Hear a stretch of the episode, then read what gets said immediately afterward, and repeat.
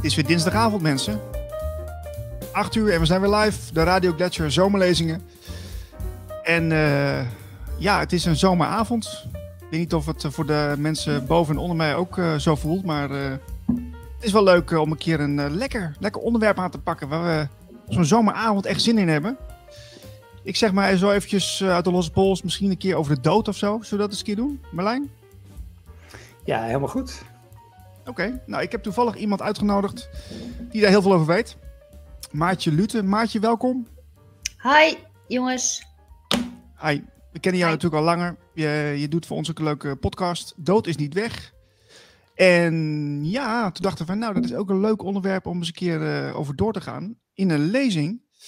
En uh, dus vandaar dat we het met jou daarover gaan hebben. Of in ieder geval, jij gaat eerst ons heel veel vertellen.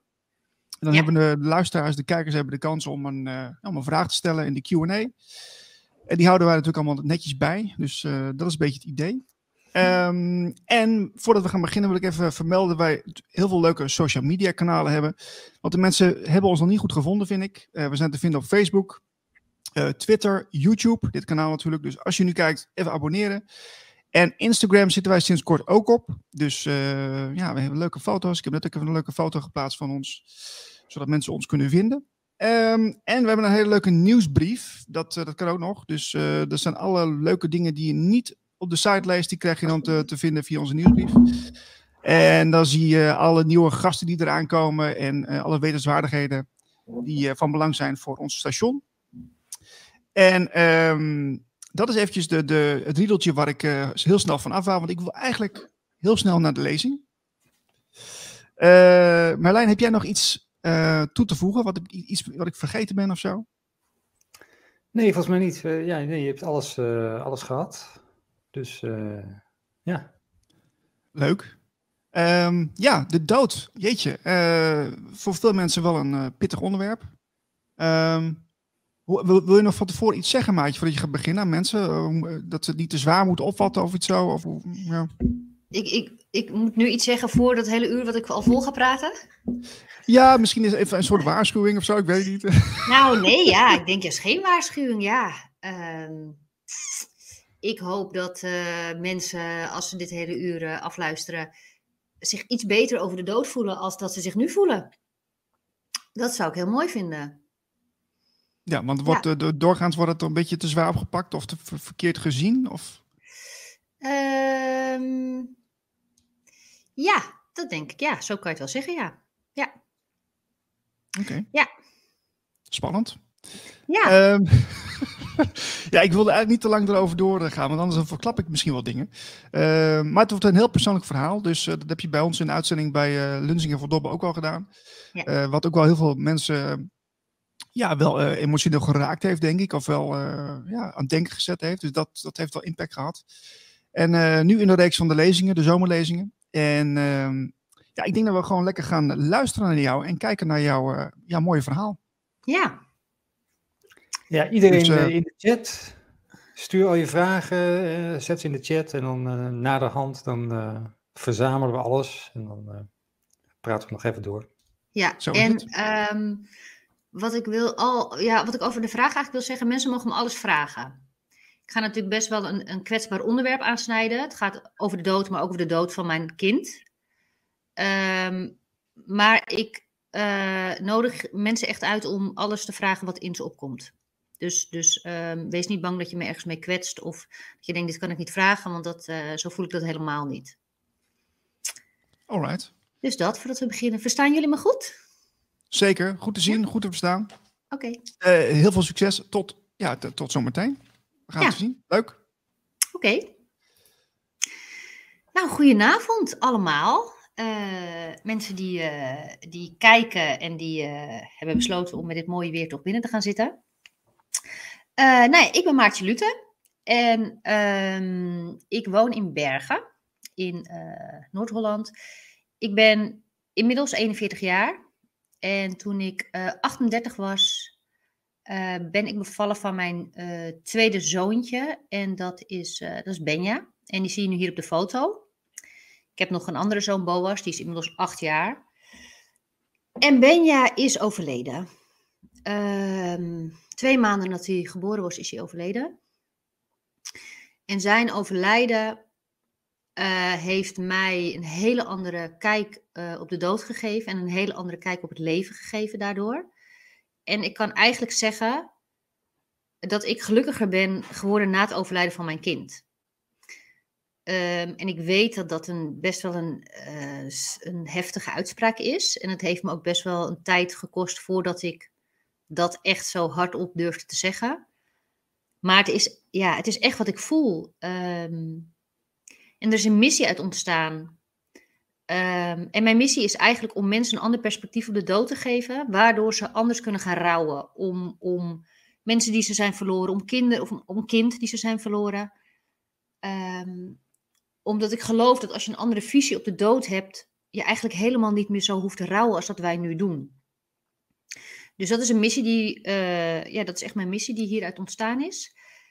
Uh, en ik zal jullie even terug meenemen naar uh, hoe het begon. Um, want ik uh, was eigenlijk nooit heel erg bezig met de dood. Ik vond um, het soms wel interessant als ik iets op, op tv zag over mediums of dat soort dingen. Maar ik was verder helemaal niet met spiritualiteit bezig. En toen ik de zwanger raakte van Benja, ging het eigenlijk allemaal heel erg goed. Ik had dan een zoontje, Boas, die was toen vier. En uh, ik raakte zwanger van Benja. En um, buiten wat misselijkheid in het begin, wat normaal is van een zwangerschap, was er eigenlijk niks aan de hand. Totdat we de 20 weken echo kregen. En op de 20 weken echo was iets te zien wat niet klopte. Uh, ik ging eigenlijk vooral naar de 20 weken echo met mijn uh, toenmalige partner, de vader van Benja, en met onze moeders, om te kijken wat het zou worden. Want ik wilde vooral weten of het een jongetje of een meisje zou worden, of ik uh, balletpakjes moest gaan kopen of dat ik uh, nog meer voetbalpakjes moest gaan kopen. Wat voor kleuren kamer moest worden. Het was voor mij eigenlijk heel praktisch en ik wilde gewoon weten hoe het, hoe het zat. En dat wij heen gingen om te kijken of het helemaal goed was. Wat eigenlijk natuurlijk het doel is van de 20 weken echo. Dat kwam eigenlijk niet zo helemaal op. Want ik dacht, ik heb al een kind en die is gewoon gezond. Waarom zou het nou misgaan? Dus wij zaten daar te wachten tijdens de 20 weken echo. En ik, mijn uh, mijn moeder en mijn schoonmoeder zaten een beetje te kletsen en ik zat een beetje te kletsen. En uh, op een gegeven moment zei de echoscopisten, kunnen jullie even stil zijn? Want ik uh, zie iets wat, niet, wat ik niet kan plaatsen. En het bleek dat ze vocht zag bij het longetje van Benja. En um, ja, ze wist eigenlijk niet wat het was. Um, en ik schrok daar heel erg van. En ik wilde, nou, ik, ik, ik bleef maar drammen op die tafel dat ik wilde weten wat, wat, wat ze dan misschien dacht en wat het dan misschien kon zijn. En zij mocht natuurlijk niet zoveel zeggen, want er moest nog een heleboel onderzoek aan vooraf gaan. Maar ik weet wel dat ik echt op dat moment, nou ja, de, de, de, de wereld, de grond zakte onder me vandaan. Terwijl het best wel gek was, want ik ben eigenlijk heel erg positief ingesteld. En ik zou altijd tegen iedereen zeggen, als ze, als ze ergens, zich ergens zorgen over maken, wacht nou maar af. Het komt vast wel goed. Weet je, blijf positief. Het valt vast wel mee. Dat kon ik altijd tegen iedereen zeggen. Maar dit voelde zo groot. En achteraf denk ik dat iets in mij is aangeraakt op dat moment. Een soort innerlijk weten wat wist wat er stond te gebeuren. Ik ben naar huis gegaan. Ik heb twee dagen gehuild voordat ik naar het ziekenhuis kon voor de testen. En ik wist van voor niet meer dat ik van achterleefde. En um, ja, ik, ik, ik was heel erg bezorgd. We zijn allemaal testen ingegaan, ziekenhuis in, ziekenhuis uit. Hij is een paar keer geopereerd in mijn buik. De grote naald gingen ze in mijn buik door mij heen. En uh, dan bij Benja. En uh, nou, het vuur kon ons niet meer helpen. Uiteindelijk zijn we naar het LUMC geweest, uh, gegaan. In Leiden is dat. En daar dachten ze dat het lymfevocht was wat lekte. En ze zeiden eigenlijk alle kindjes die dit hebben gekregen uh, en die geboren zijn, zijn gezond huis gegaan. Dat stelde me wel iets van gerust. En um, Benja werd geboren, hij werd gehaald met 35 weken. En um, toen hij geboren werd, um, hebben ze meteen bij mij, nou ja, ze hebben hem eerst even bij mij gelegd. En daarna, het eerste wat ik zei, neem hem mee, neem hem mee, want ik wil dat hij oké is. Ik zag dat hij moeilijk ademde en, en ja, het was heel anders dan met Boas, dat Boas geboren werd. Dus vijf, zes artsen namen hem mee en ik werd beademd. En um, nou ja, daarna naar een uh, couveuse op de NICU gebracht. En uh, ja, het leek wel goed te gaan. Na de eerste week uh, zou ik hem mee mogen nemen naar huis. Of naar huis, naar een ander ziekenhuis bij ons in de buurt. Want het was allemaal goed gegaan. Uh, en s ochtends dat ik uh, het ziekenhuis instapte, zeiden ze... Maartje, we hebben heel veel nieuws voor je, maar het is toch niet goed gegaan met Benja vannacht. Je mag hem niet meenemen. En vanaf dat moment is het bergafwaarts gegaan. Dus de artsen hebben van alles geprobeerd en niks lukte. En ze snapte niet waarom niet. En hij kreeg weer een infuus op zijn hoofd en in zijn armen en in zijn voet. En hij werd weer uh, leeggepompt en hij kreeg weer een MRI.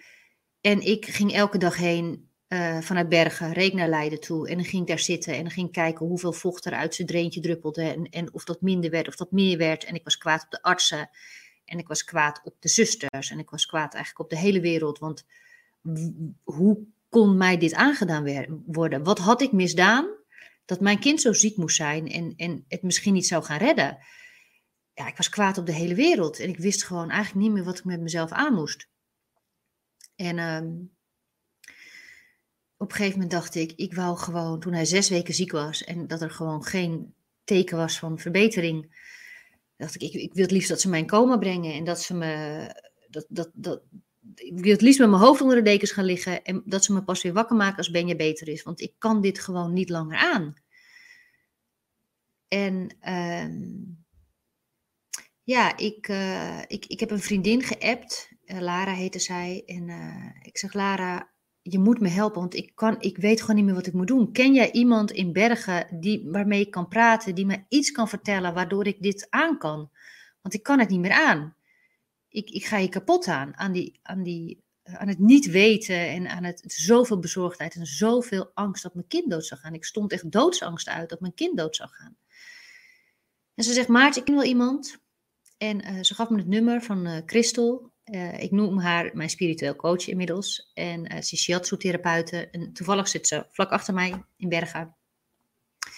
En ik appte haar. Ik zeg, Christel, mag ik alsjeblieft naar je toe komen? Ik wist niet precies wie ze was of wat ze deed. En, uh, dus ik ging daarheen. En ehm, ik kwam bij haar binnen en ze vroegen mij... Maar Maartje, waar, waar ben je zo bang voor? Ik zeg, ik ben zo vreselijk bang dat mijn baby doodgaat. En toen zei ze eigenlijk vrij snel daarna, maar Maartje, wat nou als de bedoeling is dat Benja overlijdt? En ik weet nog dat ik haar aankeek en dat ik echt dacht, wat zeg jij nou? En wie ben jij eigenlijk? En wat doe ik hier? Ik kom hier, ik geef me over aan iemand die mij moet helpen, die mij beter moet laten voelen, die mij um, iets moet vertellen waardoor ik mijn dagen nog door kan komen. En Jij zegt dat het misschien de bedoeling is dat mijn kind overlijdt. Hoe hou ik het hier nog twee uur vol? Ik wil hier weg. En ik zat er aan te kijken en, en ze ging verder met praten en ze vertelde me. Oh, mijn koffiezetapparaat gaat. Eh, en ze vertelde me uh, dat we bestaan. Er bestaan dus een heleboel dingen, maar dat we een ego hebben, dat we een ziel hebben. En dat ons ego geen pijn wil. Ons ego wil niet iemand missen. Ons ego wil niet dat ons kind doodgaat die wil geen verdriet, die wil geen gemis, die wil geen pijn. Die zal alles doen om dat te vermijden. Maar je hebt ook nog een ziel. En je ziel is met een hele andere reden hier op aarde dan, dan, dan jouw ego is. Je ego heeft, heeft een functie. En je ziel komt hier om dingen te leren. En dat geldt voor mijn ziel en dat geldt voor Benja's ziel. En Christel zei tegen mij, Maartje, probeer je over te geven aan het bestaan. En probeer te vragen aan, aan, aan Benja of aan het universum of aan God, hoe je het ook wil noemen, dat dat wat er gaat gebeuren, dat het goed is. Ook al weet jij niet wat goed is. Want wij gaan er niet over. Wij weten niet wat goed is. Wij weten niet wat de bedoeling is. Wij denken als mens zijn dat we controle hebben over alles, dat, we, dat alles maakbaar is. Dat het goed is als iemand blijft leven en dat het niet goed is als iemand sterft. Maar wij, wij eigenlijk hebben we geen idee. En, en, en dat vertelde ze tegen me. En ik wist gewoon, ik voelde dat, dat het, wat ze zei, dat het waar was. Het ging recht mijn hart in. En ik had nog nooit gehoord over een ego, ego, ego, een ego of een ziel. Maar ik wist dat, het, dat, dat, dat zij zei dat het, dat het hout sneed. En dat ik daar iets mee kon. En ik ben naar Leiden gereden, zoals ik dat elke dag deed. En ik, in, in de auto voelde ik me rustiger. En ik dacht, weet je wat ik ga doen?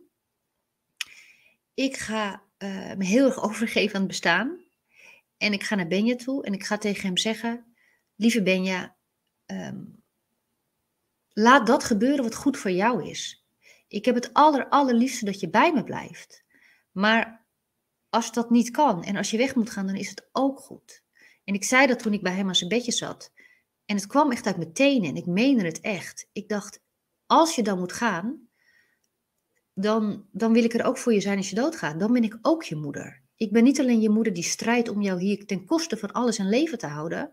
Maar als je moet gaan, dan, dan wil ik er ook voor je zijn. En dan is het oké. Je mag gaan.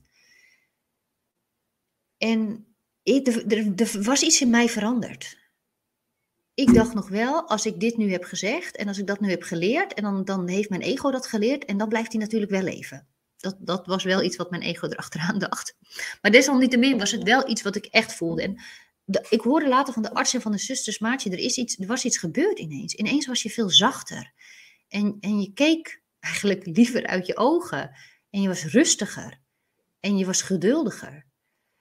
En um, nou ja, Benja heeft nog twee weken geleefd. Eigenlijk vanaf het moment dat ik heb gezegd, weet je, wat er ook gebeurt, ik wil dat het goed is voor jou, ook al weet ik niet wat het is, is hij eigenlijk steeds zieker geworden. En um, op 1 april uh, werden we gebeld, s'nachts tien over één, uit bed, mijn eerste paasdag, dat hij eigenlijk niet meer te beademen was en nog vanuit het ziekenhuis wilde komen. Dus we zijn naar het ziekenhuis gegaan op 1 april. We zaten in de auto. En ik weet nog dat, uh, dat Mike, de vader van Benja, tegen mij zei: Maart, wat nou zijn 1 april grap is dat hij doodgaat. En toen zei ik: Oh, dat zou echt de allerergste 1 april grap ooit zijn. Maar ik hoop dat het een grap is, want toch grijp je alles aan. En ook al had ik iets geproefd van, van, van dat wat groter was dan wij, toch wil je niet dat je kind doodgaat. Maar hij ging wel dood. Um, en uh, ze hebben hem bij me gelegd en ze hebben, nou ja, zoals je op de foto ziet, heeft hij heel veel um, slangetjes en dingetjes. Dat hadden ze van hem afgehaald. En het enige wat ik dacht dat hij bij me was, dat ik dacht, ga alsjeblieft dood, ga alsjeblieft dood, ga alsjeblieft dood. Hij was een beetje aan het, aan het adem, aan het snakken. En ik wilde gewoon alleen maar dat het voor hem dat het voorbij was. En hij stierf van mij. En dat hij dood was, heb ik zo'n intens geluksgevoel ervaren bijna een soort euforie. Ik was, hij was dood en ik was, het leek wel of ik gewoon opsteeg. Alsof alles was helemaal goed en ik was intens gelukkig en ik voelde zoveel dankbaarheid. Alsof ik op een soort high was. En we namen Benjamin naar huis. En in de auto uh, lag hij naast me in zijn mandje. En, en thuis kwamen we en we hebben hem, hij is nooit thuis geweest daarvoor. We hebben hem meegenomen en in, in bed gelegd. En, uh, en mensen gingen mij appen. Mensen stuurden mij berichtjes. Maartje, Jezus, wat vreselijk dat Benja is overleden. Wat een nachtmerrie, wat een hel. En ik dacht alleen maar, ik kon alleen maar terugschrijven, maar ik ben zo gelukkig. Ik heb mijn kind geboren kunnen laten worden en ik heb hem kunnen laten sterven. En ik ben zo gelukkig. Welke moeder wil dat nou niet? Ik ben er altijd voor hem geweest. Ik heb alles voor hem kunnen doen. En ik voelde me zo dankbaar. En die avond hebben mensen mij niet tegengesproken, want die dachten natuurlijk, ja, haar kind is net dood, ze is in shock, ze mag natuurlijk zeggen wat ze wil, laat hem eventjes. Maar het is niet weggegaan, dat gevoel. Het is eigenlijk alleen maar sterker geworden. Ehm, en ik heb me heel erg gek gevoeld. Ik heb gedacht dat ik, ehm, dat ik uh, een hele goede psycholoog nodig had. Dat ik niet genoeg van Benje heb gehouden. Wat, wat, wat me eigenlijk heel veel pijn heeft gedaan dat ik dat heb gedacht. Ik dacht dat, dus dat ik niet genoeg van mijn kind had gehouden. Want hoe kan je nou zo gelukkig zijn als je kind dood is? Ik dacht dat ik niet goed kon rouwen. Ik dacht dat ik heel goed was in verdriet verdrukken.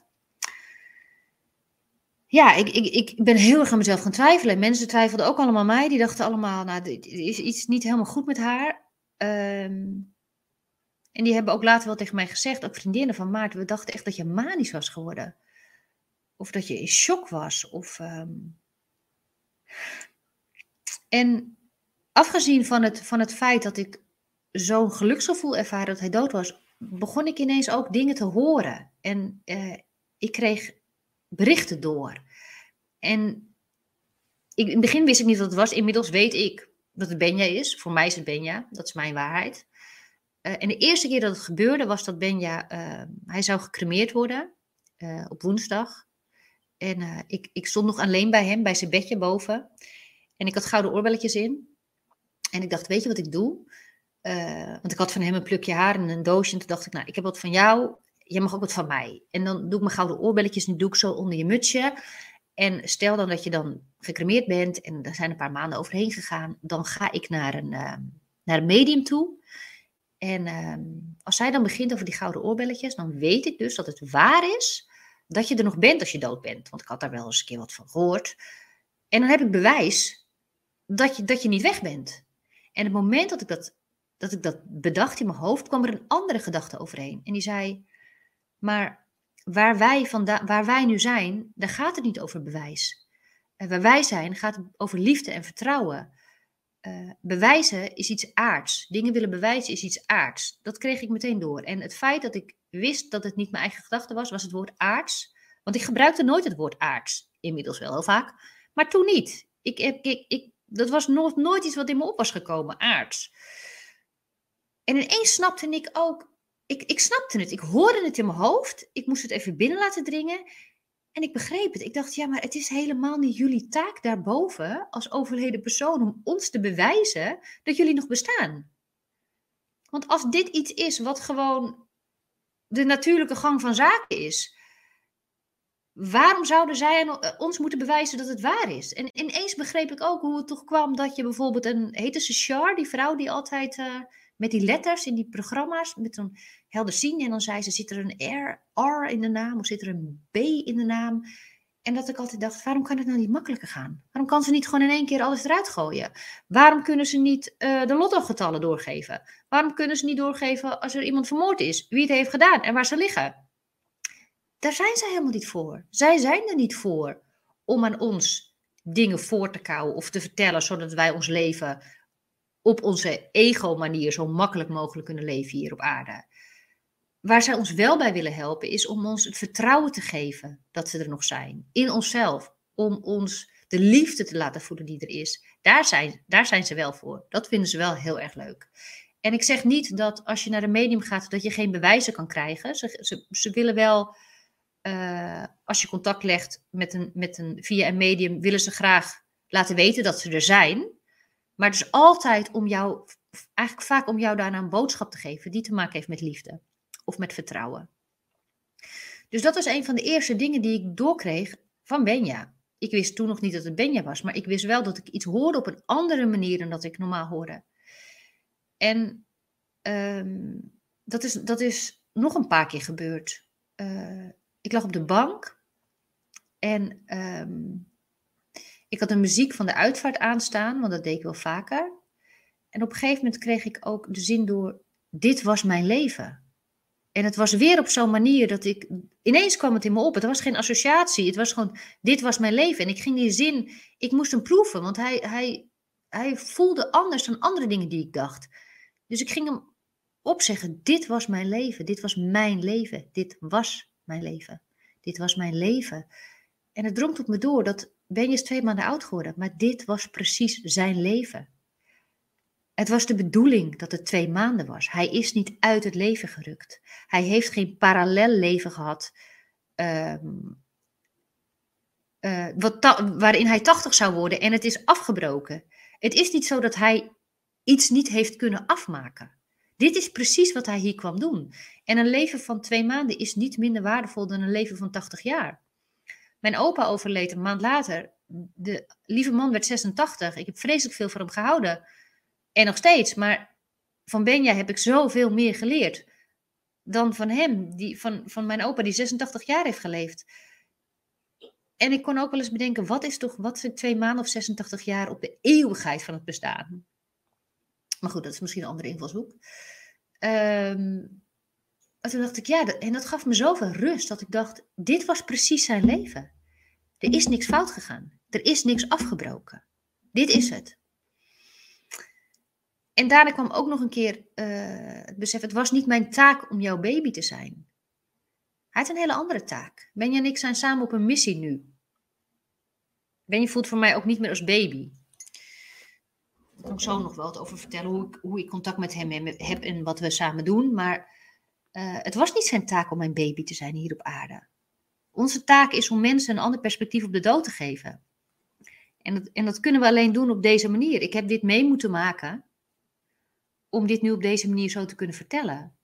En ik schreef er toen een blog over, over dat, ehm, dat het niet zijn taak was om mijn baby te zijn. En heel, er waren best wel wat mensen die dat niet snapten en die mij dat kwalijk nemen. Dat zeiden ze niet in mijn gezicht, maar dat hoorde ik dan via via. Ehm, ja.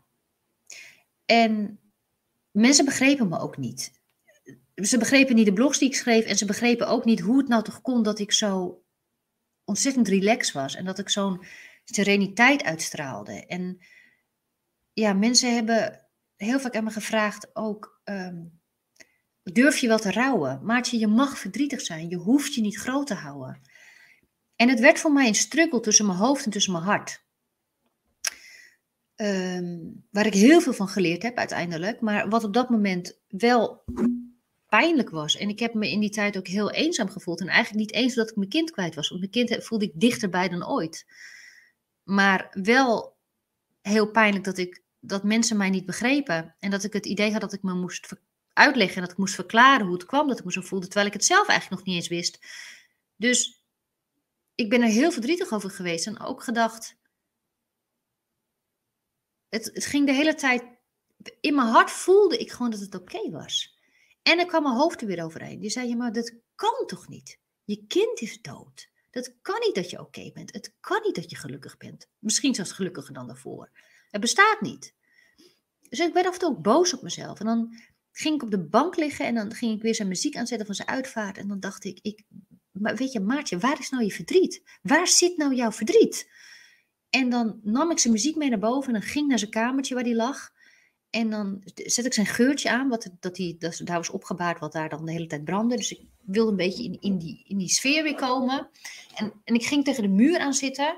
En ik liet mezelf zo naar beneden storten, als net als in zo'n film. Ik dacht, ik moet het opwekken. En ik, en ik had iets vast van hem, een knuffeltje of zo. En ik lag en ik zat tegen de muur aan op de grond. En ik dacht, en ik, ik ging aan hem denken en ik dacht, waar is nou je verdriet? En ik voelde gewoon zo'n grote glimlach op mijn gezicht komen. En het enige wat ik kon denken is, maar ik hou zo vreselijk veel van je. En die liefde voelt niet anders dan toen je er nog was. Die liefde voelde voor mij helemaal hetzelfde. En toen dacht ik, ik er kwam echt een golf van liefde over me heen. En ik dacht, als je zoveel liefde kan voelen, dan kan je niet gek zijn.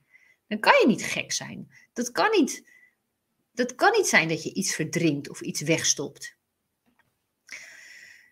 Dus vanaf dat moment ehm, ja, ben ik, ben ik uh, toch meer op mezelf gaan vertrouwen. En eigenlijk um, een van de dingen die, uh, die mij heel erg geholpen heeft, is uh, het lezen van het boekje Het Sprookje van de Dood. Um, waar ik ook een foto van heb, jongens. Ik weet niet of jullie de foto's. Ja, dat is Boas. Mag ook nog wel eventjes. Ja. Um, ik, uh, ik was op, een yogales. Uh, dus in de maand nadat Benja overleden was. En uh, we deden de eindontspanning. En er kwam een nummer en dat heette Remember Who You Are. En dat, dat, en dat raakte me zo erg. Ik dacht, Remember Who You Are. Wat bedoelen ze daarmee? Waar gaat dit over? Ik, ik snap niet wat ze, wat ze zeggen. Herinneren wie je bent. Hoe bedoel je herinneren wie je bent? Maar het bleef in mijn hoofd. En ik reed naar een vriendin van mij, die, um, zij is inmiddels overleden, vorig jaar, 29 mei is overleden. Maar ik ging naar haar toe en uh, ik, ik zei tegen haar, Mariek, ik heb een yogales gehad en, en het einde van het uh, yogales kwam een liedje Remember Who You Are. En um, het, het, het, raakt me zo erg. Weet, je, weet jij wat dat betekent? Ze zei, Maart, ik heb een boekje daarover. Herinneren wie je bent. Het heet het Sprookje van de Dood. Wil je het lezen? Nou ja, ik denk prima, goed. Dus ik nam het boekje mee. Ik kwam thuis, ik zette de open haard aan. Het was uh, overdag, maar dat wou ik gewoon doen, vond ik leuk. Dus ik had de open haard aangezet en ik maak een kop thee en ik ga het boekje lezen. En ik lees het boekje in één keer uit en ik heb alleen maar heel erg hard gehuild. Want er was zoveel herkenning. Ik dacht, wat er hier in dit boekje staat, dat is precies wat ik heb gevoeld. Wat ik heb ervaren met Benja. Er is niks fout gegaan. Het is dat mensen ook tegen mij zeiden over Benja, het moest niet, dit had niet moeten gebeuren, dacht ik. Jawel, dit had wel moeten gebeuren. Het voelde gewoon zo alsof alles helemaal klopte. En het sprookje van de dood gaat over een zieltje, wat voor de eerste keer naar de aarde gaat. Uh, en voordat je naar de aarde gaat, eigenlijk het idee is uh, dat uh, daarboven daar komen we vandaan, daar gaan we naartoe. Daarboven, ik noem het even de hemel of het hiernamaals. Of weet je, geef het een naam. Dat is eigenlijk ons basisstation. Wat we hier komen doen op aarde, eigenlijk zijn we hier alleen maar op een fieldtrip. Op een schoolreisje. Op een, uh, op een uitje. Om iets te leren, om iets te ontdekken. En daarna gaan we weer naar boven. Dat is eigenlijk onze basis. We zeggen ook wel eens, weet je, mensen die overleden zijn, zij die ons zijn ontvallen of, of zij die weg zijn. Maar zij zijn niet weg. Wij zijn weg.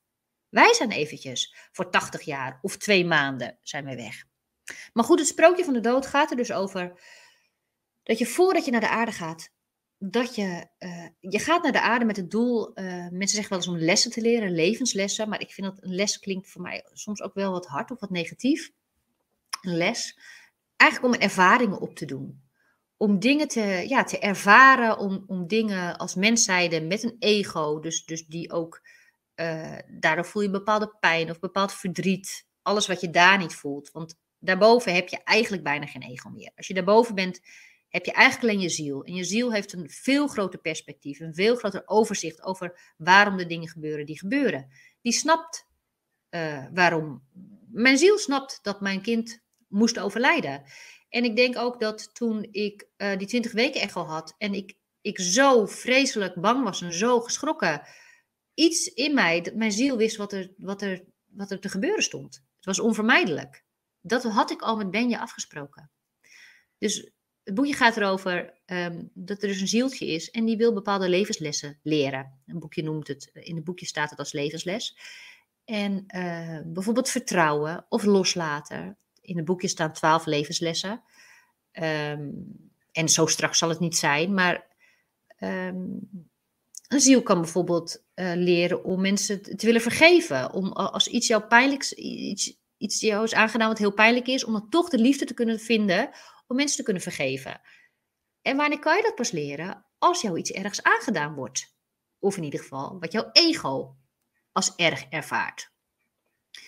Dus om het in mijn eigen uh, woorden of in mijn eigen verhaal te plaatsen. Ik heb waarschijnlijk iets willen leren over uh, wat het is om een liefde los te kunnen laten uh, om meer te leren over de dood. Om um, mensen meer uh, uitleg te kunnen geven over de dood. En wilde ik dat allemaal kunnen doen, dan moest ik natuurlijk eerst mijn eigen ervaring hebben. Dus ik geloof heel erg dat ik met Benja daarboven ben geweest en heb, heb gezegd: Kijk, hier was hij mijn kind, maar daar niet. Daar was hij gewoon. Daar zijn we allemaal dezelfde zielen. De ene, is, de ene ziel is misschien iets meer ontwikkeld dan de andere ziel. Maar dat is net alsof je in de kleuterklas zit, eh, of in groep 3 of in groep 5 of de middelbare school. Dat komt alleen maar omdat je iets meer les heb gehad. Het is niet dat een kleutertje minder waard is dan iemand in, uh, op de middelbare school. Dus ik heb met Benja afgesproken, luister, ik wil graag dit, dit en dit leren. Kan je me daarbij helpen? En Ben heeft gezegd, nou is goed, dan uh, kom ik naar beneden, ga ik na twee maanden weer terug. En dan hou ik daar contact met jou. Nou, leuk, zei ik, lijkt me enig. Want als je daarboven bent, heb je helemaal geen idee dat, het ook, dat je je ego meeneemt naar beneden. Dat dat pijn doet. Dat jouw ego dat, dat niet wil. Um, en als je dat hebt afgesproken, je, je spreekt dus af wat je wil leren. Je spreekt af met wie je dat wil leren. Uh, op wat voor manier je dat wil leren. En, en vaak in het boek is dat ook. Uh, onze grootste vijanden op aarde zijn eigenlijk onze grootste leermeesters. Dus kijk maar eens naar iemand die je eigenlijk stiekem een beetje haat. Of dat je denkt, dat zou misschien een ex-partner kunnen zijn. Of uh, een, een, een, vriend of vriendin die jou iets gedaan heeft. Of misschien je vader of je moeder waar je geen contact meer mee hebt. Vaak zijn het die mensen met wie je iets heel ergs uh, iets hebt uit te werken. Dus die jou de kans geven. Die, jullie geven elkaar de kans om iets te leren. Uh, dat gaf mij in ieder geval een hele andere blik op mijn ex-partners.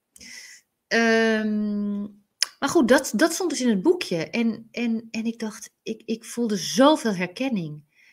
En ik dacht, dit is het. Uh, en ik, en ik ben meer op, ik ben op onderzoek uitgegaan. Ik ben meer boeken gaan lezen. Om, omdat ik, uh, ik ben met mensen gaan praten, ook naar mediums gegaan. Omdat ik meer wilde weten over wat ik nou voelde. Ik, ik, ik wist inmiddels wel, oké, ik ben dus niet helemaal gek. Ik hoef niet opgenomen te worden. Maar hoe kan het nou toch dat ik blijer ben geworden? Uh, en ik heb een podcast gemaakt. Um, die heet uh, Ik ben gelukkig na het overlijden van mijn kind, hoe kan dat? En daarin heb ik uh, verschillende mensen geïnterviewd. Ik heb Bonnie Bessem geïnterviewd, zij is een uh, medium en psycholoog. Tijn Tauber heb geïnterviewd. En ik heb ook Benja geïnterviewd. Dus ik heb mijn overleden zoon geïnterviewd ehm, via, via een medium.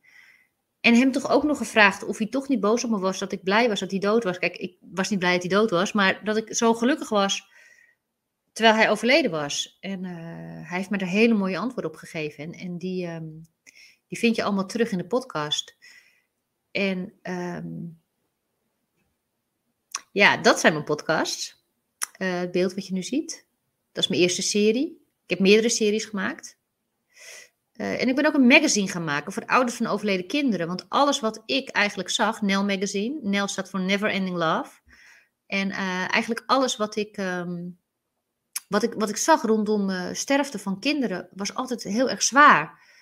En dat is ook wat, nou ja, wat mij verteld is. Dat het het aller, allerergste is wat jou kan overkomen. En dat er niks, weet je, dat je leven voorbij is. Dat het klaar is, dacht ik ook altijd. Als mijn kind doodgaat, dan is mijn leven voorbij. Dan is het klaar. En dat wordt ons aangeleerd, dat is onze conditionering. En je voelt je schuldig als je dus, dat dus niet zo ervaart. Um, en ik vond het heel eng om die podcast live te zetten, maar ik heb best wel wat ouders gehad die mij daarna een bericht hebben gestuurd. En die hebben gezegd: Maartje, ik, uh, ik herken wat jij zegt. En ik heb er nog nooit met iemand over durven praten, want ik dacht ook dat ik gek was. Um, dus daarna heb ik die mensen geïnterviewd om, om te vragen om hun verhaal te delen.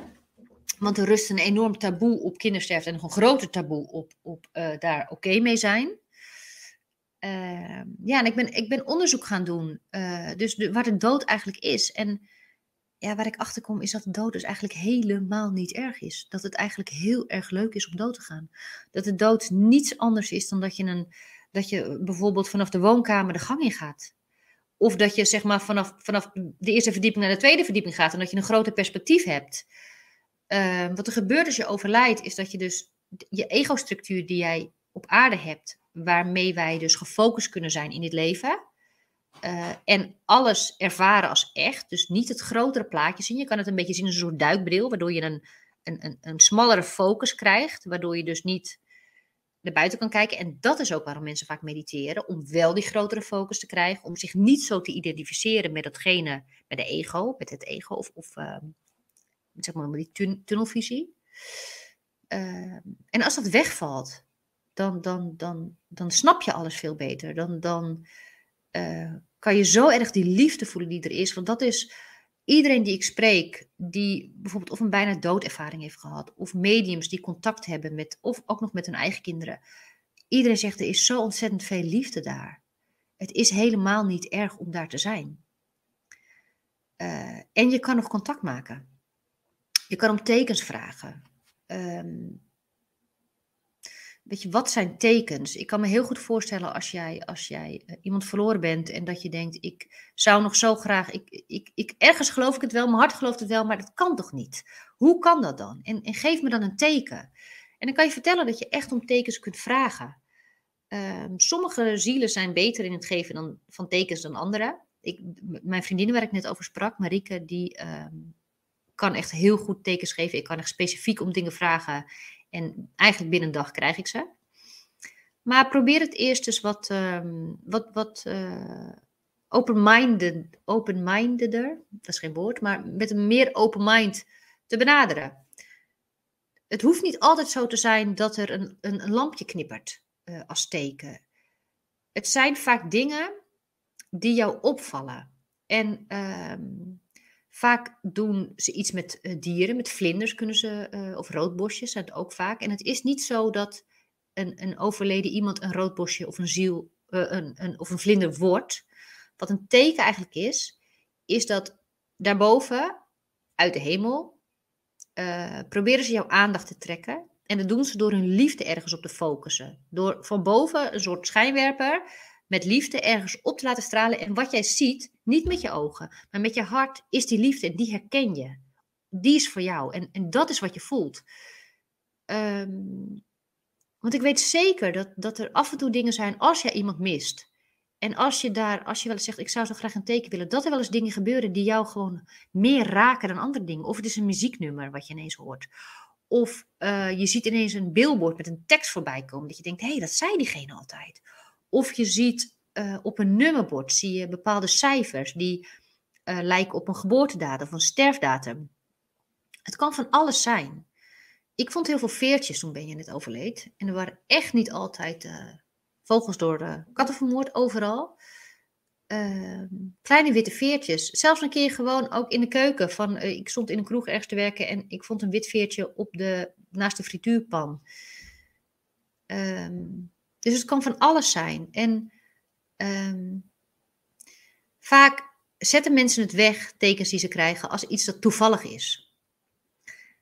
Wat ik mensen altijd leer is dat toeval is iets wat jou toevalt. Het wordt je gegeven van boven. Het is geen, het is geen toeval. Oh, uh, uh, ja, een toevalligheid is iets wat jou toevalt. Er zit wat achter. Um, ja, en het is ook, ze willen niks liever dan uh, tekens eigenlijk aan ons geven. Um, ga ik een beetje van hak op de tak. Nou ja, tekens zijn dus, uh, die kunnen dus van alles zijn. Muziek, het kan inderdaad licht zijn wat knippert. Het kan zijn een vlammetje wat heen en weer gaat. Um, maar het kan ook, ook dingen zijn, dus wat ik zeg, die je kunt vragen. En uh, ik heb een voorbeeld van, van mijn vriendin Marieke, die dus overleed. Uh, zij lag een maand in het hospice, had kanker. En um, ik probeer, probeerde altijd tegen haar te zeggen maar hoe mooi het zou zijn waar, waar ze naartoe zou gaan als ze zou overlijden. En zij stond er wel een beetje hetzelfde in als ik, maar zij kon ook bang worden, uh, toch voor de dood. En ze moest twee kinderen achterlaten, dus ja, hoe ze dat heeft gedaan, ja, vreselijk. Maar ik ging bij haar zitten, ik ging muziek aanzetten en, en ik hield haar handen vast. En dan ging ik een soort visualisatie met haar doen, om te vertellen hoe mooi het zou zijn. Wat voor mooie bomen er zouden zijn en wat voor mooie natuur. En dan kon ze een beetje in meegaan. Fantasie is ook een hele mooie manier om, om, de, om de sluier dunner te maken, om je ego een beetje aan de kant te zetten. En toen zei ze tegen me, Maart, zullen we een teken afspreken? Dus, dus, dus als het echt zo mooi is als dat jij zegt, wil ik dat graag aan je laten weten. Zullen we een teken afspreken? Nou, is goed. En uh, ze zegt, uh, ik, uh, laten we een egel doen. Dus ik ga egel sturen als, um, nou ja, als, als je gelijk hebt. En ze stief in mei. Ik weet niet of egeltijd is. Volgens mij is egeltijd meer in de herfst. Maar goed. En een dag nadat ze overleden was, uh, zat ik te scrollen op mijn, op mijn Facebook. Drie weken later overleed ze. En een dag daarna zat ik te scrollen op Facebook. En ik zag ineens een moederegel met twee kleine egeltjes. En toen dacht ik, Mariek. En uh, toen dacht ik, nee, dat is toeval. en, toen, en toen zei ik, Mariek, als het echt zo is, dan wil ik binnen nu en een uur weer een egeltje zien op mijn Facebook. En ik was verder aan het scrollen en ik zag weer een egeltje. En ik vertelde dat toen tegen een vriend van me, die hier helemaal niks mee heeft. En die zegt, ja, maar Maart, dat noem je dus selectieve perceptie. Jij bent nu aan het kijken, uh, jij bent op zoek naar egels en ineens zie je allemaal egels, omdat je dat met haar hebt afgesproken. Jullie hebben het over egels gehad en nu ineens zie je ze allemaal. Toen dacht ik, ja, nee, misschien heeft hij wel gelijk. En later belde hij me terug. Hij zegt, Maart, maar jij hebt het drie weken geleden al met haar over egels gehad. Als het echt zo zou zijn geweest, dan had je die drie weken ook al egels blijven zien, want dat zat al in je hoofd. En het voelde voor mij ook, mijn hart wist gewoon dat zij het was, dat zij iets mee te maken had. En het mooiste wat er gebeurde is dat mijn zusje later naar me toe kwam. En die zei, um, Maartje, ik heb een cadeautje voor je gekocht. En ik weet eigenlijk niet waarom ik het heb gekocht. Het stond in de winkel. En eerlijk gezegd heb ik het al uitgepakt en bij mezelf neergezet. Want ik dacht, wat moet jij er eigenlijk mee? Ze had een cadeautje voor mij gekocht. Omdat ze, uh, ze, vond, ze vond het zo lief van me dat ik zo voor Marieke had gezorgd. En dat ik er zo veel voor haar was geweest. En ze zag wat staan. Ze zegt, ik moest voor je kopen. Ik zeg, wat heb je gekocht dan? Ja, drie kleine egeltjes. En ik had haar niks verteld over die egels. Mijn zus heeft daar helemaal niks mee. Die vindt het allemaal leuk hoe ik het bedenk. En dat ik daar goed mee kan dealen op deze manier. Maar die heeft helemaal niks met egels of met spiritualiteit. Of dus ja, ik moest heel erg lachen in mezelf. En het is dus ook Amerike die ik echt om specifieke tekens vraag. Die ik ook krijg. Uh, ja, en, en wat er ook heel erg mee te maken heeft. Wil je contact maken met mensen boven? Het gaat om vertrouwen. Het gaat erom dat je je hart openzet en dat je al is het maar dat je denkt, oh dat is vast een teken. Dat je niet erover denkt, meteen erover denkt, nee dat kan niet. Maar dat je gewoon denkt, um, dankjewel voor dit teken. Dankjewel dat je me dit wil laten zien. Wat ik vaak doe met mensen als ik uh, oefeningen doe, als ze graag uh, contact willen maken. Dan zeg ik, ga eens een uurtje doen alsof ze hier gewoon zijn. Zeg, dankjewel dat je bij me bent. En, en, en voel echt en geef alle vertrouwen in dat ze hier zijn. Na dat uur mag je weer denken dat het niet zo is. maar ga dat eens proberen. Ga eens kijken hoe je dan voelt en wat er gebeurt. En probeer die periodes vaker in te bouwen. En probeer het langer te doen. Ehm, ja, dus, dus, ehm, dus dat is wat ik, ik. Ik heb dus heel veel uh, mensen gesproken. Ehm, ik heb ook een boek geschreven, Ben je Present. Wil je die nog laten zien? Ja.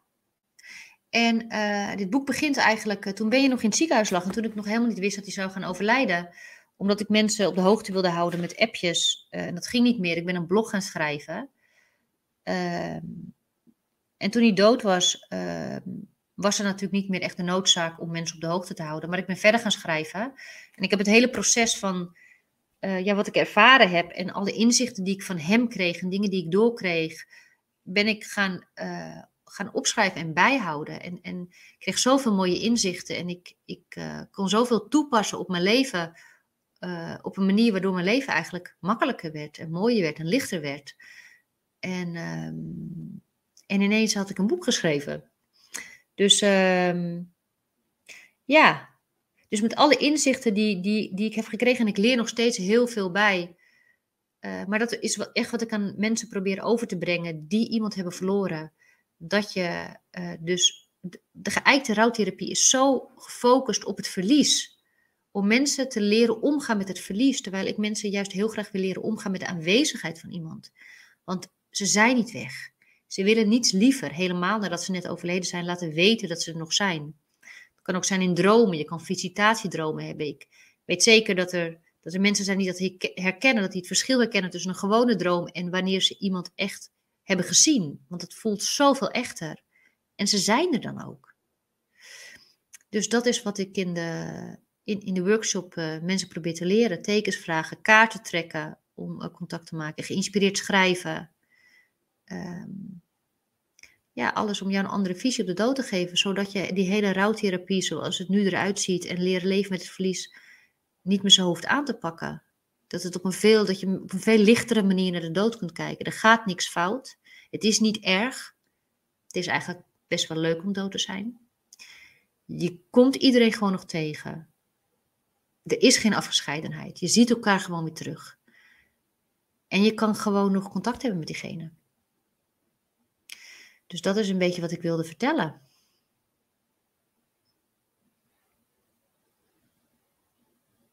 Moet ik nou zeggen, zijn er nog vragen? Ben, ben ik te horen? Ben ik ja, te horen? Ik heb ja? je weer aangezet. Oké. Okay. Jeetje, ik, uh, ik was wel heel erg uh, druk aan het luisteren. Ik, ik, ik was wel toch wel weer geraakt hoor, maatje. Ja? Ja, ik vond dat je, ik vond dat je het heel mooi verteld hebt. Gelukkig, dank je. Ja, ja het, is, uh, ja, het is toch een beladen onderwerp en, en het, is, uh, het, gaat echt over jou, wat jij hebt meegemaakt. Dat voel je ook. Ik, het, het, is nog wel steeds wel beladen, vind ik. Um, wat vind je dan beladen? Nou, beladen, ik, ik voel dat het, uh, hoe je het vertelt, het, het, ja, natuurlijk, het, doet nog steeds wel wat, wat met je. Uh, misschien niet zo erg meer, maar je voelt wel dat er, dat er lading op zit. Tussen, klopt dat? Ja. ja. Dus uh, knap, knap, dat je het zo verteld hebt. Ja, ik heb zelf nog een heleboel vragen opeens. Want oh. we, we, hebben natuurlijk al een keer een uitzending gedaan. Maar ik, uh, ik dacht, nu heb ik toch nog wel wat vragen. Um, hebben wij ook nog wat vragen binnengekregen of is het erg rustig, uh, Marlijn? Iedereen zit in de zon nog steeds. Ja, dat dacht ik al. Ja, okay. Lekker voor zijn. en terecht. Um, ja, want je, weet je, ik kan wel eventjes wat pakken. want je zei net van, ik, ik leer nog steeds heel veel over ja. de dood, neem ik aan. Ja. Um, wat, wat, is nou het laatste wat jij nog hebt bijgeleerd? Waar je echt van dacht van, nou, dat, uh, dat is toch even weer een nieuw inzicht. Uh, nou, eigenlijk ook uh, wat ik de laatste tijd eigenlijk steeds meer, waar ik het meest aan heb, is hoe alles, hoe je het allemaal op het leven kunt betrekken. Dus zeg maar hoe het daar is, hoe je dat kan doortrekken naar hier. Um, wat ik, wat ik, weet je, er zullen vast wel wat mensen die luisteren ook bezig zijn met dingen manifesteren. Dat bedoel, dat zullen jullie misschien ook wel eens. Dat is wel. En als je daar bent, gebeurt dat in instant. Alles wat je denkt is er, meteen. Ja, ja. Maar hier ook. Hier gaat het langzamer, want daar is de trilling veel hoger en alles is dunner. Weet je, het, het gaat veel sneller. Maar uh, hier geldt eigenlijk hetzelfde. Weet je, de dood en het leven zijn niet zo heel verschillend van elkaar. Dat is denk ik misschien wat ik steeds meer leer. Dat het eigenlijk, ja, dat, het, dat wij hebben zo die afgescheidenheid erin gezet, maar het, het is best wel vloeibaar of zo. Het is, ja, we, krijgen natuurlijk allemaal steeds hogere trilling, hè, naarmate, we, naarmate het leven vordert en, en de wereld, uh, de toekomst. Uh, dus we gaan ook steeds meer daarheen. Ik denk dat het gewoon steeds meer in elkaar gaat overvloeien. Ja, Beetje zoals het uh, wel eens eerder gezegd werd, uh, hoe dat in de tijd van Atlantis was, of uh, Lemurië, dat we meer etherische lichamen gaan, gaan, gaan bezitten, zeg maar, of, of zijn. Ja, en, en ook in, ver in de toekomst, jullie kennen natuurlijk ook wel Wieteke Koolhof, die dat over de ja, aliens noemen we het, maar het zijn natuurlijk niet echt de, de hybride. En zij zijn gewoon heel erg in contact met alle hun overleden personen. Dat is, dat is um, het enige verschil is een fysiek lichaam of een non-fysiek lichaam. Ja. Ik heb ook echt wel moeten lachen ook, op dat laatste stukje van die, die egeltjes. Ja. Ik ken er nog een heleboel op noemen hoor, heel veel egels. Ja, dat, maar dat is ook wel heel erg bizar. Dat is ook wel, uh, dat is echt voor mij wel het ultieme bewijs van uh, dat, dat, niet, dat het geen toeval is. Het is echt gewoon zo overduidelijk. Ja. Nou ja, het mooie was, die vriend van mij, die dus toen zei Maarten de selectieve perceptie, die zou ook naar die uitvaart gaan. Uh, hij ging uiteindelijk niet. En hij belde me die avond op. Hij zegt, Maart, uh, hoe was het? En ik ben niet geweest. En eigenlijk baal ik ervan, want ik had er wel voor jou ook willen zijn. En, uh, en op een gegeven moment stokt echt zijn keel, zijn adem in zijn keel. Ik zeg, wat, wat gebeurt er? Wat is er? Hij zegt, er loopt hier een egel door de tuin. Terwijl hij gewoon echt helemaal, hij viel bijna flauw. Hij heeft er helemaal niks mee. Ja, en ah, daarna, ja, egels vlogen ons om de oren. Op een gegeven moment heb ik gezegd, nu wil ik wat anders zien, want ik ben echt egels echt zat. Maar dit is toch ook wel uh, wat jij, jij zei van ja, het is toch de bedoeling, mijn missie, dat ik, uh, ja, dat ik dat, een ander perspectief geef op de dood. Dat doe ik dan samen met Benja. Maar uh, je, je maakt toch wat los natuurlijk hè, in, in je omgeving. En dat, dat, dat moet je niet onderschatten. Ik denk dat je als je dat zou zien van, van bovenaf, of ja, geef de naam, of dat je van in een groter perspectief zou zien wat je nu aan het doen bent. Ik denk dat het wel echt gigantische inslagen heeft bij mensen. Een gigantisch impact eh, op mensenlevens, wat je allemaal zegt en doet. Ja, denk je dat? Want ik ja, dat denk, denk ik dus, wel, tuurlijk. Ja, nou, dat vind ik eigenlijk heel fijn om te horen. Want voor mij voelt het zo gewoon, dat ik soms denk, wat zit ik nou te, wat zit ik nou te babbelen? Weet je, mensen haken waarschijnlijk af, want het is niks nieuws meer. Ja. Voor mij is het zo ik weet soms niet meer of ik nou iets zeg wat mensen als nieuw zien, of, of dat het ze raakt, of dat ze denken dat ze een inzicht krijgen. Dat, ik kan dat niet meer zo goed. Ja, maar je spiegelt mensen. Je spiegelt hm? mensen. Want ze, mensen weten donders goed of, of, wanneer het waar is of niet. Wat je net ook zei, uh, de, de, de, de, struggle met je hoofd en je hart. Nou ja, ja, als, je, als je gewoon uit je hart spreekt, dan voelen mensen echt wel van shit. Je hebt gelijk. Ja. Ja, maar, Ik, maar wat ik zeg, jij zegt het kan een impact hebben wat ik dan zeg. Maar ik, ja, ik, ik kan me dus bijna niet meer voorstellen dat er mensen zijn die dus niet meer geloven dat er iets is na de dood. Er zijn er nog heel veel. Ja, ik, ik, uh, ja. ja. Gelukkig wel, anders was er mijn missie over. Ja, zo'n kerken vol joh. Je hebt er genoeg tijd om de, alles uh, te veranderen. Bijvoorbeeld, ja. hè. Um, Marlijn, heb ik jij... Had nog, uh, ik had nog een vraag over die, uh, over die tekens. Wat, uh, de egeltjes en de roodborstjes en zo. Ja. Hoe zie je dat? Hoe, hoe manifesteren zij dus fysieke dieren en objecten in onze realiteit vanaf, vanaf boven? Ja. Nou ja, ze manifesteren dus niet. Zij worden niet een beest, zij worden geen dier. Wat zij doen is, zij, zij schijnen hun liefde erop. Zij willen, zij Um, kijk, zij zijn natuurlijk heel geen contact met ons. Uh, ik, ik, weet ook zeker dat, ik weet of jij mensen in je omgeving hebt die overleden zijn, maar soms voel je iemand bij je. Weet je, of je, of je denkt aan iemand ineens, of je voelt iemand bij je. Maar zij kunnen dus vanuit boven hun liefde ergens opschijnen. En wij zien dat niet met onze ogen, maar je, ergens herken jij dat wel. Energetisch herken jij, of jouw hart herkent die liefde. Weet je, die liefde heb je al je hele leven lang gevoeld. Dus die is voor jou heel herkenbaar. Dus daardoor komt iets uh, helderder binnen. Dus, de, dus de, weet je, mensen zeggen ook wel eens ja, maar dan kan alles wel een teken zijn. Ik denk dat er weinig mensen rondlopen die de hele dag lopen. Hé, hey, een teken, hé, hey, een teken, hé, hey, vogel, een teken. Niet alles is een teken.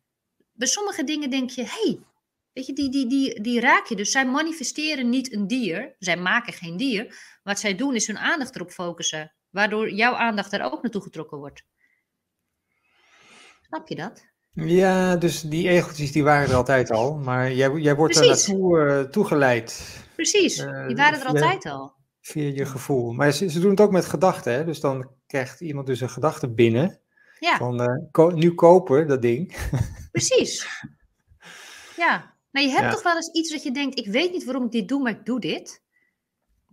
Ik weet niet of jullie dat wel eens hebben, dat je dan dingen voorbij ziet komen op, op, op in internet of de, een cursus of iets of een boek wat je wil kopen. Of dat je denkt, waarom, ik weet, dan heb je het gekocht en dan denk je achteraf, ik weet niet eens hoe mijn gedachtegang gegaan is. Ik heb ineens een boek gekocht. Weet je, dan word je gewoon, dat is openstaan en niet jezelf alles afvragen. Weet je, ik had het laatst nog met, uh, met, uh, met, met Marieke Bertens, die was in onze uitzending. En die, uh, die had het over het geheim van Shambhala. En dat eerste wat ik daarbij dacht van, die moet ik hebben, dat boek. Ja. En uh, ik heb het gelijk gekocht en uh, ja, het was wel heel mooi en dat gaf me een beter perspectief op bepaalde dingen. Dus ja, inderdaad, dat valt je dan binnen, zeg maar. En dan is het, ja. hup, ja, die, dat moet ik weten. Ja. En, en dus, uh, huppakee. Ja. ja. Want je ziet per dag waarschijnlijk honderd boeken voorbij komen. Weet je, waar je loopt. Het is niet dat alles... Sommige dingen trekken je gewoon meer dan andere. En wat het ook is met tekens want, want, want ik heb ook wel eens gedacht, weet je Benja, als je dan toch zo goed bent hè, als je het allemaal zo goed kan, stuur me dan een e-mail. Je kan toch met elektriciteit? Stuur dan een appje, hè? Hmm. Als je het zo goed kan. En, um, maar toen zei ook een medium, zei ja, maar wij hebben hier nog vrije wil. Kijk, zij, als zij nu inderdaad echt een e-mail gaan versturen, dan kunnen we er niet meer omheen. Wij hebben vrije wil op aarde om te kiezen wat we geloven. Het is de kunst om erop te gaan vertrouwen. Als jij als jij de liefde voelt en als jij, als jij het vertrouwen gaat ontwikkelen, dan kom je veel verder mee dan dat jij gewoon bewijzen krijgt toegeworpen. Eigenlijk, uiteindelijk heb je er niet zoveel aan. Nee. Ik zie ook een uh, reactie, die is uh, in de chat gekomen. Dat is van Arthur, die zegt... Uh, erg mooi en met een hoop wijsheid gesproken door Maartje. Ik heb geen vragen, alleen complimenten voor jou. Oh, gelukkig. nee, we alle vragen mogen. Nou, hartstikke lief. Ja. Uh, ik had ook nog een vraagje. Um, jij vertelde op een gegeven moment ook dat um, jouw zoontje was overleden. En uh, je had gezegd van dat, dat, het goed is dat als hij zou gaan. Uh, en je vertelde dat je daar, daarna merkte dat je zelf zachter werd. je, er, was, er kwam een verandering bij jou. Ja. weet je nou al wat dat precies is geweest, die verandering? Ja, ik denk. Um want ik heb daar een podcast ook opgenomen met Christel, die dus dat tegen mij zei. Hè, wat is het bedoeling is dat Ben je overlijdt? En wat ik denk wat er gebeurd is, is dat ik... Um, ik heb al die tijd ben ik gaan weg gaan rennen voor de dood. Dus, dus ik wilde iets uitsluiten, wat er ook bij hoort. Hè? Dus ik ben echt, en dat is wat we nu in de hele maatschappij doen. Weet je, wegrennen, alles moet, we moeten maar weg van de dood. Want, nou ja, kijk naar de hele coronatoestand. En weet je, alles is erop gericht om te overleven. Um, maar de dood hoort zo bij het leven. Als je die uitsluit, dan kan je het leven niet ten volle leven. Dan kan je het leven niet ten volle ervaren. En wat ik heb gedaan toen Christel zei: Wat nou als de bedoeling is dat Benja overlijdt? Ik heb dus de optie ineens aangenomen dat dat. Of ik heb aangenomen dat het een optie was. En dat heb ik toegelaten. Dat heb ik ingesloten. En daarmee kwam nog zoveel meer. Ik denk dat daardoor ik mezelf een stukje heb geopend waardoor er, er meer mogelijk was om binnen te komen. Snap je een beetje wat ik bedoel? Ja. ja, Ik ben, ik ben min, minder gaan, weet je, ik, ik had tunnelvisie. Het enige wat ik, ik wilde alleen maar dat hij niet doodging. Dat was alles wat er was. En als, als dat het enige is waar ik focus, dan valt alles weg. Dan, dan is er niks meer. Ja. Maar als je je gaat openen, dus het ook een optie is. En als je daar met zachtheid naar kan kijken, dan kunnen die gevoel, weet je, dan open je je hart. Ja, nou, en dan hoe, kan je even, weer hoe, hoe doe je dat dan? Je hart openen of ruimer kijken? Hoe, kun je iets over zeggen? Nou, ik denk uh, heel erg proberen om te kijken naar dat wat aannemen wat er is. In plaats van heel erg willen naar een punt toe willen gaan of willen dat het anders is. Gewoon zitten en dan mag je ook vreselijk verdrietig om zijn, maar gewoon aannemen dat dat er is. Dit is op het moment, weet je, alles aannemen wat er is. Niet alleen een gedeelte niet willen aannemen en een gedeelte wel willen aannemen. Dit is wat het leven je laat zien. En hoe pijnlijk en hoe verdrietig dat ook is, dat is wel de realiteit. Ja. En het is, weet je, wat ons altijd het meeste pijn doet, is, is datgene van hoe het is en datgene van hoe wij zouden willen dat het was. Weet je, hoe groter die afstand is, dat, is, dat vertegenwoordigt jouw pijn. Ja, maar het zit er natuurlijk ook in het feit dat we, uh, we zijn wel aardig uh, geprogrammeerd om uh, bij de pijn vandaan te blijven. Hè? We vinden pijn heel vervelend. Dus dan, uh, dan zoeken we maniertjes om dat maar te ontlopen. En nou, daar is dit ook wel een voorbeeld van, denk ik. En misschien is dit precies het ultieme wat gebeuren moest bij jou. om, om dat te, te doorzien. Ja. Ja, het, het, het, ik kan echt zeggen dat het overlijden van mijn kind is echt mijn grootste geschenk geweest. En mensen zeggen ook wel eens, maar Maart, je zegt dus nu, je bent gelukkig na het overlijden van je kind. Denk je dan dat je niet, was geluk, niet gelukkig was geworden als hij was blijven leven? Weet je, ik, ik had zelf die gedachtenknop niet gemaakt, maar vond ik wel een interessante vraag. En toen dacht ik, natuurlijk zou ik wel gelukkig zijn als mijn kind... Het was niet van shit, mijn kind is blijven leven. Maar ik heb, ik, voor mijn idee doorzie ik het leven zoveel beter, waardoor ik een soort, er kan niks fout gaan. Weet je, alles is oké. Dus, dus er is een soort basisvertrouwen in het leven. En als je dat hebt, daar word je gewoon gelukkiger van. Als je vertrouwt op wat het leven jou gaat geven en dat je het aan kan, want we kunnen alles aan. Niet ons ego, maar wij kunnen alles aan. En als je dat voelt, dan word je gewoon, daar word je gelukkiger van. Je zei ook, uh, iedereen komt hier met een missie, hè? Dus uh, we, we, we, ja, we helpen elkaar eigenlijk uh, onze missie te vervullen of onze ervaring uh, te geven. Ja. Dus dan kan je eigenlijk zeggen, ja, uh, daar moeten we dus niet gaan ingrijpen op, hè, op iemands missie, wat hij hier te doen heeft. Dus toen dacht ik van, ja, wat doe je dan met, met iemand in leven houden of met, met kleine kinderen in leven houden? Ja, dan, dan grijp je in, toch? Maar misschien is de missie wel, en van het kind en van de arts, om te gaan voelen wanneer is het genoeg. Snap je, wat als het niet gaat om dat kind gaat dood of niet, maar wat als die arts met dat kind heeft afgesproken, ik wil gaan ervaren in het leven, wanneer, wanneer luister ik naar mijn hart en wanneer kan, kan ik voelen, het is genoeg nu en ik kan dit kindje laten gaan. Ik noem maar wat, hè. Wij hebben geen idee wat missies zijn. Wij hebben geen of missies. We hebben ook geen idee wat ervaringen zijn. We hebben geen idee wat mensen willen leren. Sommige mensen willen hun hele leven lang niet wakker worden om dat te ervaren. Dan hoeven wij ze ook niet wakker te maken.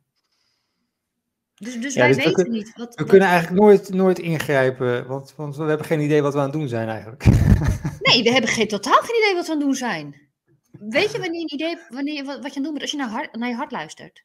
En als je luistert de dingen waar jij blij van wordt voor jezelf, dat is het enige waar je naar hoeft te luisteren.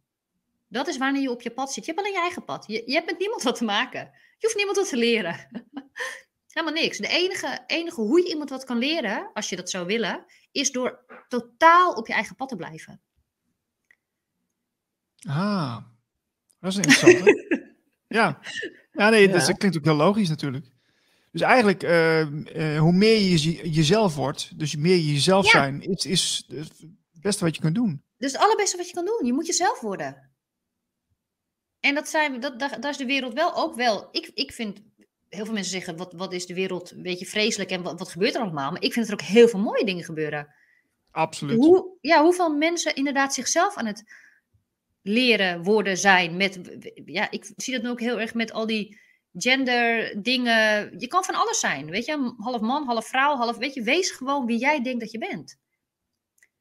Dat is natuurlijk een, echt een uitdaging, maar dat, ik zie het wel heel veel gebeuren. En dat is het enige wat je hier hoeft te doen. Ja. Hoe, waar komen de namen van jouw kinderen vandaan? Hebben die een speciale betekenis? Nou, Boas komt geloof ik uit de Bijbel, maar um, dat, dat, heeft, dat heeft voor mij niet echt een uh, doorslag gegeven. En Benja, um, Benja heet van zijn achternaam Min. En um, ik vond Benjamin altijd een hele mooie naam. Maar ik dacht, ik kan mijn kind geen Benjamin Min noemen. Dat zou raar zijn. dus toen uh, noemde ik hem Benja. Maar wat wel heel erg mooi is, ik, ik uh, doe veel uh, schrijven met Benja. Veel geïnspireerd schrijven. En er komt heel vaak, weet je, dat hij is. Weet je, ik ben. Ja, weet je. Dus, dus zijn naam is ook een soort Weet je, hij Hmm. is. Hij doet niet, hij is. Dus dat, daar kwam ik later pas achter. Dus ehm, ja, zo'n beetje. Ik, eh, er was ook een moment dat jij ehm, vertelde van, ik, ik zat op een gegeven moment, eh, nadat hij, hij was overleden natuurlijk, en dan zit je in een, een soort struggle van tussen je hoofd en je hart. Ja. Eh, kun, kun- kun je vertellen hoe je daaruit bent gekomen? Wat heeft je daarin geholpen? Nou, gesprekken met mensen. Ehm, ik, had een, ik had gelukkig heel veel mensen om me heen die toch naar me wilden luisteren. die toch wilden luisteren, ook al, ook al snapten ze het zelf niet. Ehm, en ik merkte ook dat als ik met die mensen praatte en ze begrepen me, voelde ik me veel beter dan dat ik met mensen praatte die me niet begrepen. En ik had op een gegeven moment wel door dat als ik me beter voelde, als jij je ergens niet goed over voelt, dan is het meestal niet de waarheid. Als jij je ergens licht over voelt en als je je ergens goed over voelt, echt goed en niet ego goed, misschien is het handig als je eerst dat verschil ook eh, voelt, dan, dan eh, dat is wel de waarheid. En ook dat ik, wat ik omschreef, dat ik boven in zijn kamertje stond en ik voelde zoveel liefde. Ik dacht op een gegeven moment, het kan gewoon niet fout zijn als ik zoveel liefde voel. Dat ik kan niet gek zijn. Ja, Ja, ja. En, en dat sprookje van de dood heeft me erg geholpen. En gewoon maar erover blijven praten. En, en eh, ja, inmiddels heb ik gewoon het vertrouwen dat ik denk, weet je, dit is mijn waarheid. Het enige wat ik kan doen is mijn waarheid vertellen. Eh, t- tijdens de lezing eh, dacht ik even dat ik gek werd, want ik zag een, ik zag een aantal wolkjes voorbij komen. Maar eh, heb jij Ja. iets aanstaan daar? Of eh, heb je een Ik heb iets aanstaan. Ik heb iets Kijk, aanstaan, Sorry. Ja, ik wou zeggen, ik, wou, ik dacht nog even, zal ik zeggen van niet? Maar eh, ja, nee, ik heb het aanstaan. Oké, oké. Nee, maar goed. Eh, eh, eh, Oké. Ehm, had nog iets. Oh ja, heb je nog... Jij zegt van, ik heb een afspraak met Benja om hier wat te leren. Maar heb je ook nog ergens kunnen herinneren dat het zo was? Dat, je, dat, dat die afspraak gemaakt is?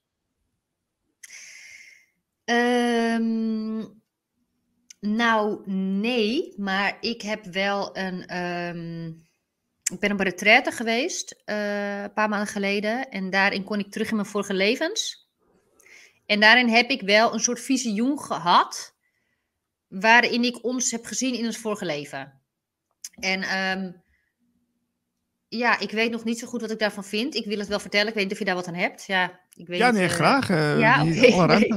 Nee, ik, ik heb op een gegeven moment ehm, gezien dat ik, ik, Benja en ik, hij was mijn broer of tweelingbroer. We waren best wel jong, we waren kinderen. En ik zag ons samenlopen door de Alpen, of in ieder geval door een groen bergenlandschap. En ehm, ik weet niet wanneer het was. 100, 200 jaar geleden, 300 jaar, ik weet niet precies. Maar wij hadden bessen gegeten en die waren, dat ik dit vertel ook, maar die waren ehm, giftig. En ik ging dood.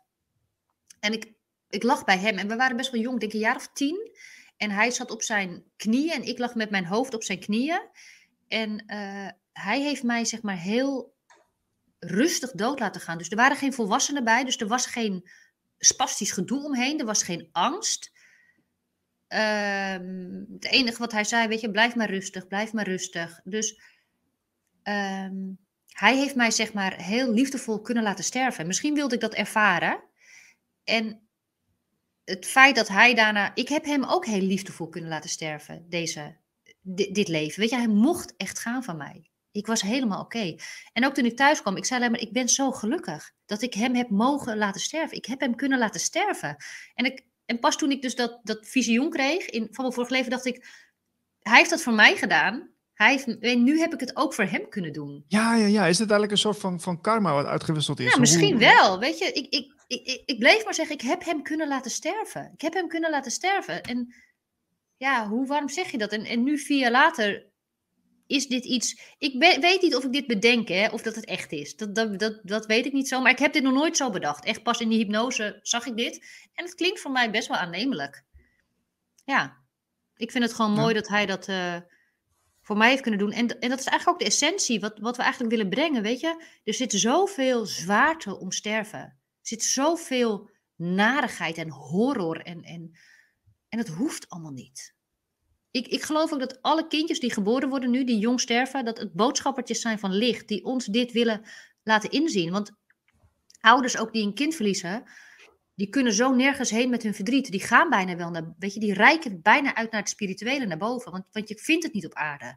Je vindt het Mhm. bijna alleen daar. En dat is dan hun poort om er meer over te weten. Weet je, ik, ik zal, ik geloof dat we allemaal kiezen voor wat wij hier meemaken. Ik zal dat niet altijd zo zeggen tegen ouders die een kind verliezen, want dat kan heel pijnlijk zijn. Maar wat als je, jou erv- als je de ervaring wil hebben om meer over de dood te weten te komen? Om, om te leren op aarde dat er geen afgescheidenheid is. Hoe kan je dat beter leren door het echt te ervaren? Ja. Maar het, eh, want het is bij iedereen weer anders hoe, die, hoe men ermee omgaat. Hè? Want eh, ik kan soms ook wel zo erg lachen om mezelf.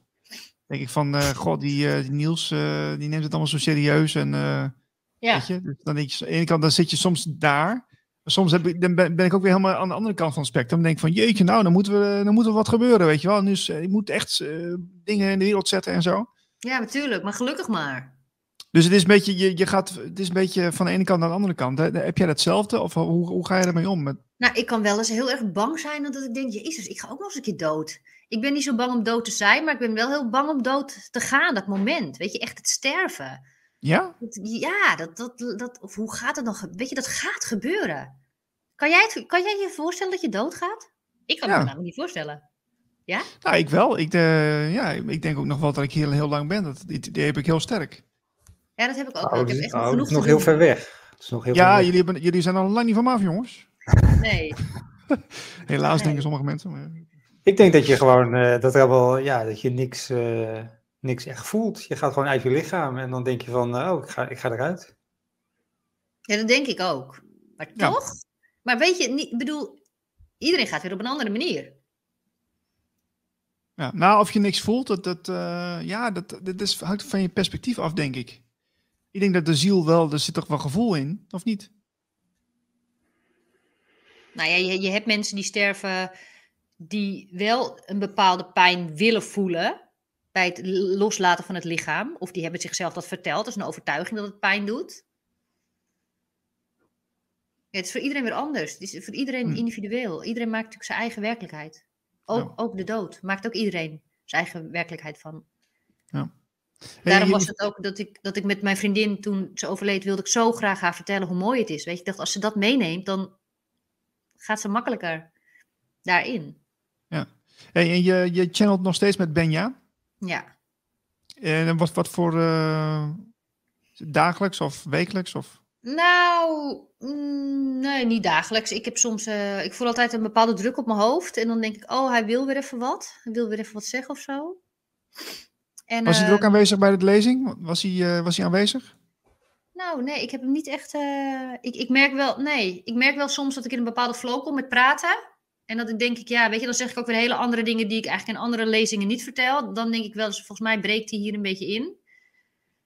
Dat, dat gebeurt wel eens. Maar voor mij is het ook zo, ik voel het niet meer echt omdat het zo verweven is. Weet je, het is zo eh geblend dat ik niet echt denk, oh, hij is er. Nee, dat heb ik niet.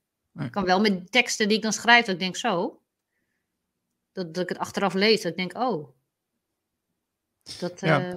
ja. En, en eventjes nog voor mijn eh, beleving van eh, hoe, hoe moet ik dat zien als jullie, jullie zijn het dus eigenlijk samen als, als jullie hebben een afspraak gemaakt, oké.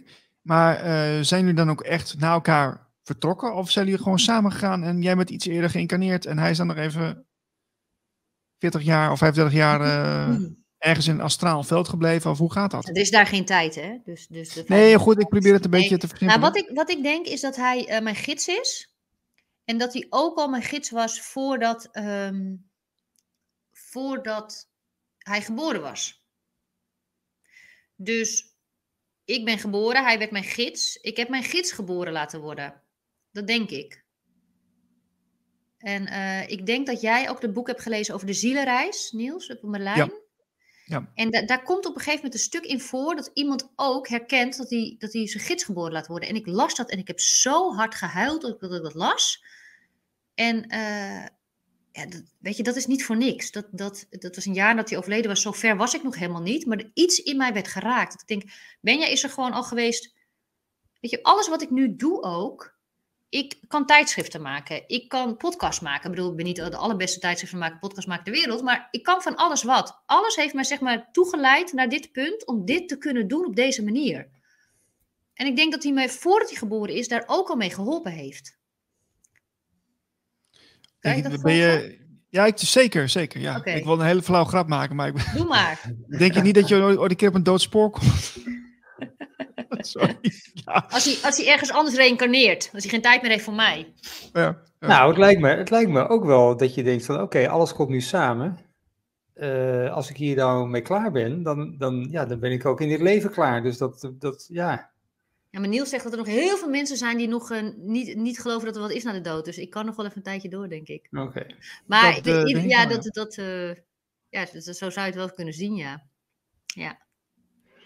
Ik had nog een vraag over hoe we, hoe we nou moeten rouwen eigenlijk. Want heel veel mensen rouwen volgens mij vanuit een soort schuldgevoel. Van hé, als ik niet rouw, als ik, als ik mezelf eigenlijk niet pijnig, met steeds met denken dat iemand er niet meer is, niet meer is, ja. dan uh, dan betuig ik een soort eer of zo aan de overledene. Klopt. Wat doen we daarmee? Ja, ik heb het ook gedacht, hè. Ik dacht ook, ik heb niet van hem gehouden omdat ik geen verdriet heb. Het is zo erg aan elkaar gelinkt, dat je dus iemand mist, en dat je daar verdriet van hebt, dat is dus houden van. Um, dus ja, uh, wat doen we daarmee? Ja, wat ik zeg, het, het, rouwen is nu heel erg dus geëikt op het idee van er is iets misgegaan, iemand is uit het leven gerukt, uh, we zien diegene nooit meer terug, kan geen contact meer hebben. Ja, als je er op die manier naar kijkt, ga je op een hele andere manier andere emoties opwekken dan dat je denkt er is niks misgegaan. Het gaat heel erg goed met diegene. Diegene kan mij nog zien. Diegene is heel erg gelukkig. Diegene wil niks liever dan dat ik gelukkig ben, dat ik mijn leven leef. Als je dat gaat, als je dat gaat geloven zelf, dan kan je er heel anders naar kijken. Ik zeg niet dat je niet fysiek geen gemis kan hebben. Hè? Want Benja is maar twee maanden oud geworden. Ik kan me heel goed voorstellen dat, dat ouders die een kind moeten missen die 20 is geworden, of 30 of 5, of, dat dat een veel grotere impact heeft op hun dagelijks leven. Ik zeg altijd, mijn liefde voor Benja is net zo groot als ieder ouder voor zijn kind, want dat is, dat is onvoorwaardelijke liefde. Dat heb je meteen als je kind geboren is en zelfs daarvoor. Maar je impact op je leven kan wel groter zijn. Maar dat is iets anders. Daar kan je op een andere manier mee omgaan. Je kan ook de non-fysieke aanwezigheid in je leven gaan betrekken. En, en proberen om daar meer contact mee te krijgen. In plaats om alleen maar te focussen op datgene wat er niet is. Dat je gaat focussen op datgene wat er wel is. En wat er wel mogelijk is. In plaats van op hetgene wat er niet is. Ja, maar dat is natuurlijk, we versterken dat ook eh, met, met eh, begrafenissen ook en zo.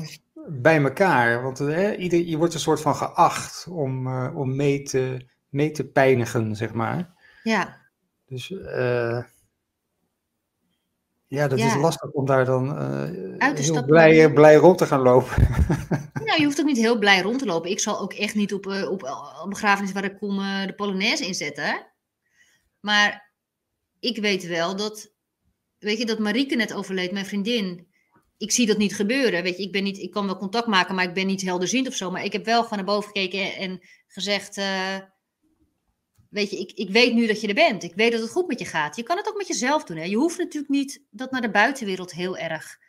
Het is, een, het is, het is je eigen proces. Ja. En, en wat je zegt, ik. Um, ik uh, sprak een moeder en die zei: Ik voel me zo schuldig als ik dan vergeten ben om een kaarsje aan te steken. Weet je, dan heb ik het idee dat ik niet aan diegene denk. En wat ik net ook al zei: als iets je slecht doet voelen, betekent het eigenlijk dat het niet waar is.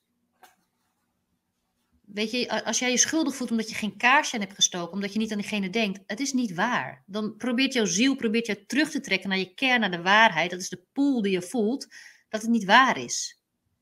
Als je gewoon in je hart weet dat je kind er nog is. En als het licht voelt, dat is de waarheid. De waarheid voelt altijd licht.